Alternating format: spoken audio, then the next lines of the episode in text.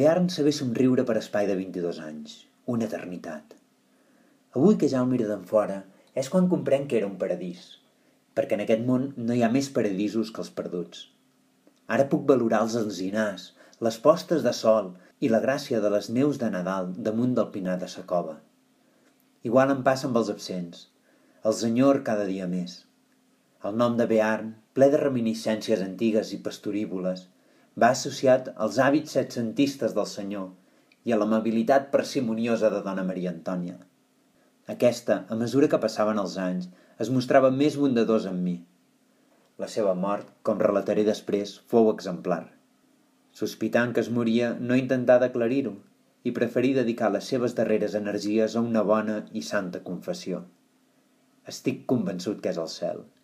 Resultaria difícil de concebre-ho d'altra manera – perquè era un d'aquells éssers que saben compondre un cel amb els elements que els volten. Recordaré que, en certa ocasió, passejant, arribaren fins a una barraca enclavada dins una rota de la finca. Hi vivia una vella anomenada Madó Coloma. Vivia tota sola, amb una cabra i un canet bord que li deien trinxet. Ens explicà que cada setmana els seus nebots li duien dos pans. Vivia de sopes de llet. Ens mostrà un taronger que li donava taronges per quasi mig any i sis magraners que, segons digué, ja no hi havia res millor i que fruitaven sense haver-los de conrar.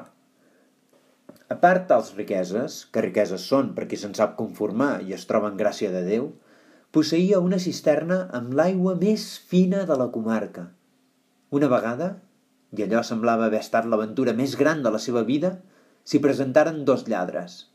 Però en veure que no tenia sinó una cabra i de no gaire bona casta, no li volgueren robar. La dejectaren com si es tractàs de comprar-la, em digué el senyor. Dona Maria Antònia s'oferia enviar-li tres gallines ponedores, però ella no acceptà l'oferta. Tanmateix, digué, no sabria com mantenir-les, i ni en Trinxet ni a sa cabra no els agrada veure altres animals, així és que m'estim més no tenir disgusts. Idò, enviaré mitja roba de sucre per prendre amb sa llet, replicà dona Maria Antònia, això sí, senyora, que li agrairé molt, però no me n'enviï tant perquè no crec arribar l'any que ve, i si m'amor, no hi ha necessitat que el sucre se perdi. En espreu que van avui ses coses. En acomiadar-nos, ens regalà una magrana a cada un, com una gran senyora. Quan la senyora anava a sortir, el meu protector m'agafà pel braç i obrint una porteta em feu guaitar un pati. Allà, davall una parra, hi havia una hortència magnífica, idèntica a la de Bearn. Jo l'interrogava amb la mirada i ell somrigué i es dugué un dit als llavis. No veniu? Preguntà dona Maria Antònia, girant el cap. Però el senyor ja havia tancat la porteta i sortiren plegats. El sol era a punt de pondre's i l'aire havia refrescat. Oh, Tonet! digué ella. Quin conor tan gran m'adona aquesta dona.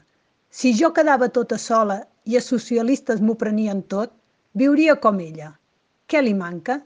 No té tapissos ni miralls, però té un llit i un balancí que ja és sa comoditat més grossa. I t'has fixat quina hortència? El senyor i jo ens miràrem, perquè semblava impossible que l'hagués pogut veure. Jo no sé si és millor que sa que tenim a ca nostra. Oh, Tonet, ses primaveres de París, recordes el mercat de flors de la Cité? A veure. Prosseguí, baixant uns escalons en el seu entusiasme líric. Si seran dolces aquestes magranes. El senyor caminava pensatiu i no recollia aquell darrer comentari. Tu? Digué. Seràs com ella. He reparat. Replicà dona Maria Antònia. Que du una medalla penjada amb una cadena d'or. Què saps tu si és d'or? Murmurà el senyor.